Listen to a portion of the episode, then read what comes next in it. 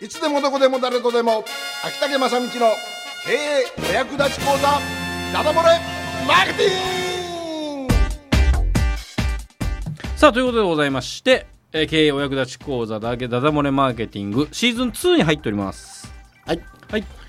えーコピーライティングセミナーということでやっておりまして、前回はそのお客様の絞り込みを最後にきちんとしましょうと、うん。えーえーつらつらとですねお手紙で、えーこれ買ったらいいですよあなたの問題点を、えー解決できますよっていうことをつらつらと書いていくわけですがみんなそれ気になって買っちゃって使ってみたら、えーそんなことないじゃんっていうね。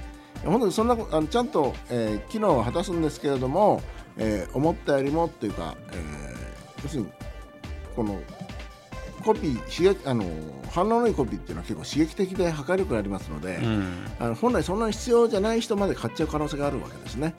これはいいかもしれない思っちゃってでもそこでしっかりと、えー絞り込みをしましょうと、えーこういう方は、えー買わない方がいいですよっていうことをしっかり言ってあげましょうと。いうことなんですね。でもそれをすると意外とまた反応が上がるんですけどね。意外とっていうか、えそれが定石なんですが、え絞り込みをすればするほどそれは私のことを言ってるんじゃないかっていうふうに、え感じて、え買ってしまうってことなんですが。ここに来てですね、えーどんな立派なですね、えー、整数レターを書いてもですね実はえー売れないうん。というですねもまあそれはそれはそれはあるんですそれはあるでしょう、えーそれは何かというとどんなに文章が上手な人でも 売れないっていうそれは何かというと、えー商品がない。うん、でしょ？そりゃそう思うぞもういかに立派な文章でもね、うん。ええ素敵な商品がないみたいではな、で 商品ないのに文章だけがうまいっていう人も結構いたりするんですが、い、うん。まずは商品をしっかり作りましょうねっていうことですね。でその商品をしっかり作りましたらその商品を買ってもらうためによくあるのがですねこれ使ってもらえたら相当いい商品で分かってもらえるんやけどねっていう商品いっぱいあるんですよね。こ買ってもらうと良さが分かるんやけどあのこの辺の方々はやっぱマーケティングっていうか集客っていうのを大きく勘違いしてましてあの商品は大概の商品はいい商品ばかりなんですよ。基本的に。は。うんうん。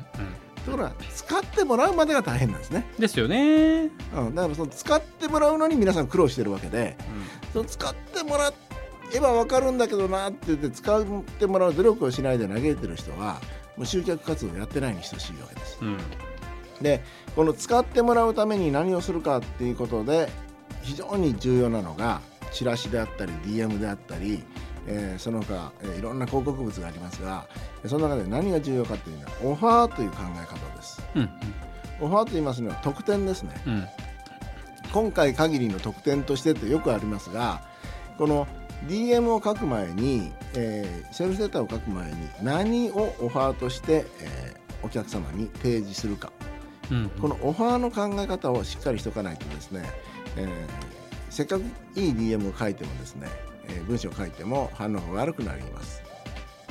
でオファーと言いますのはあの実は2種類ありまして、うんハードオファーとソフトオファーっていうのがあるんですね。うんうんえーハードオファーっていうのはあの営業マンとこう接触するとか、えー売り込まれると、えー売り込まれることがこうこう明確に分かるようなのをハードオファーと言います。うんもう一つですね、えーソフトオファーっていうのがですね、えー手を挙げればもらえる。あちょっと、えー言い方が多分悪いですね。うんここはもう要するに売り込んでくるいいですよいいですよみたいな話です。うんうんハードオファーうんうんで、えー手を挙げるとこっちから言えばもらえるやつ。うん。を、えーソフトオファーっていうんですね。うんうんうん。あなるほど。はい。えーまあいい表現はなかなかできないですね。私。うん。えー感触として分かってもらえますかね。はい。うん。でそのオファーなんですが特典要は特典なんですけどそのそれもしっかり区別しつつ要は手げ手を挙げてもらえるソフトオファー、で手手を挙げてもらえるようなのを作りましょうって話なんですね。であのオファーというのは、えー例えば DM 打ってチラシ打ってあの反応が悪いとしましょうと。全然どなたからも問い合わせがないっていう時にまず疑うべきはオファーが良くないんじゃないかっていうことをまず疑った方がいいですね。どんなにいい文章かどうかとかいうよりもまずオファー特典が、えー皆さんの、えーにぴったりと来てないんじゃないかと思った方がいいぐらいに重要なものでして。でこのオファーを作るときにあのどのぐらいのレベルのオファーを作ればいいかっていういうふう考え方としてね、えー私はお勧めしてるのはこれに反応しなければバカ。うんうん。わかりますかね、うん。オファーっていうのは、うんうん。それは特典ですよね。で何割引きとかよくありますがでお客様、えーこういう特典がございますって言った時にじゃあどのぐらいの特典を出せばいいかって言ったらこれ反応しなければやっぱよっぽどバカな人だよねって思えるぐらいのものを出しましょうってことです、うんうんうんそんな太っ腹でいいんですか、はいはいはい。わかりますわかります。うん。とか、えーそそんなことし赤字になるじゃないですか。うん。みたいな、えーそれ欲しかったけど絶対買えないと思ってるけどそれなら買えるみたいな。うん。ちょっと待ってそっちの買いたかったけど今日はそれやめてこっち買うけって もうもう流れざるを得ないというか、食いつかざるを得ないみたいな。そうそうそうそう、ええそういうですねオファーです、うん。えー、2年ぐらい前に、えー、メカリ潮風市場って いうのがあはいりましたが、ありました。まさしくもうオファーの塊でですね。そうですねそのあの影響っていうか はい。刺身がついて1050円みたいな。そうそう。これもかなりのオファーなんですね。今でもそれを期待してですね、うん。お客様来られるんで、ええ。とうとうですね、ええ。そこに乗り出さないといけない。から、で今回の、うん。その関門海峡焼かないカレーもですね、はいこのこれだけの量でっていうのが もう見事なオファーなんですやりね。ますよ。で、はい。反応しない方が、うん。もう反応しないでちょっとおかしいじゃないかっていうような感じなんです。でこういうふうなオファーをまず作ってほしいということと、うん。でまあオファーの作り方でですね、まあヒントとしてヒントとして、ええ。ーお伝えしておきたいのが、うん。え誰でも提供しているサービスを実はオファーにできますよっていうのがあります。えうんうん。あのよく考えたら当たり前じゃんみたいな話、うん。えーそうですね昔あの今でもあるのかな、えーハンバーガー屋の M あります。え M M え M 二種類あるんで M が、まあマックだね。うん。マクド。うん、マクマクド。はい。マックとかマクドとか言いますな。はい。にスマイル0円ってありましたね、うんありました。ええ。今,、今でもありますよ、今でもありましたね、うん、今でもあの、うん。こうなんですか、うん。えーあれのえー値段表、うん。えーポスターみたいな値段表ありますね、えあの横にちゃんと書いてあるんですねスマイル0円、うん。あれ誰でもやってるかどの店でもやってることなんだけど、うん。マックは徹底してるから、うん。えーそれ0円で提供いたしますっていうことなんだけど、あのそういうですねそういう考え方です。誰でもやってることをオファーにする。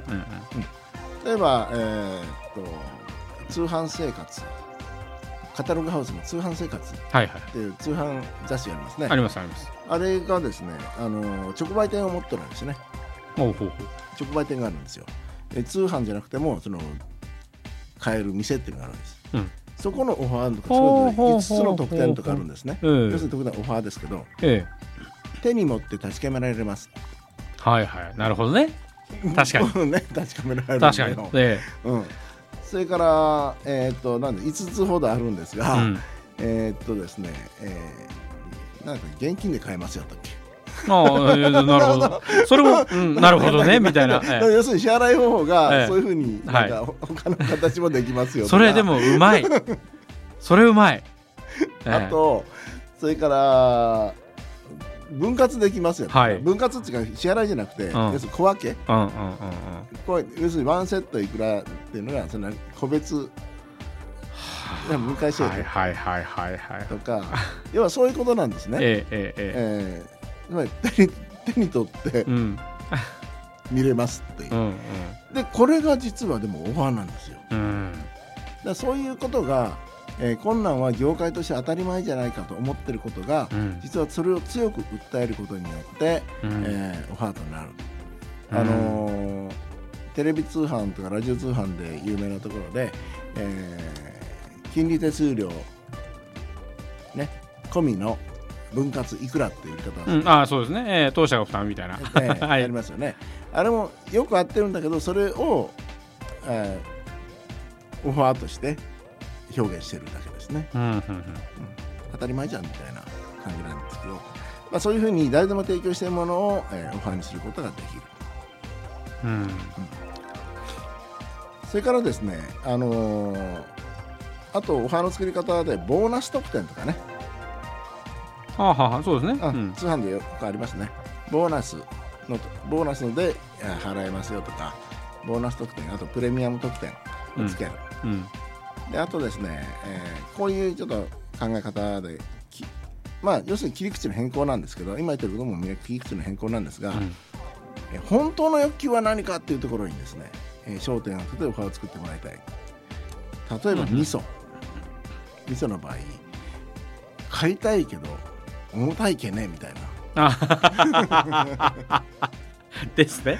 わざわざそうやって言ってあげる。うん。え米。えうん、米そうですね。うん。ね、うん重たいじゃないですか。だそういうところをやっぱり、まあ、一番単純なのは配達しますよっていうことなんだけど、うん。らその文章自体も、うん。あー美味しい味噌を見つけたけどそれから美味しいお米だって分かるけどでも重たいから買わない。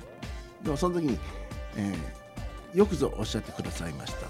私というのはお客様に重たい思いをさせることはございませんうん。うん。みたいな感じで書いていくこれは要するに、えーもう重たい思いはしなくて済みますっていうコピーになったりね。うん。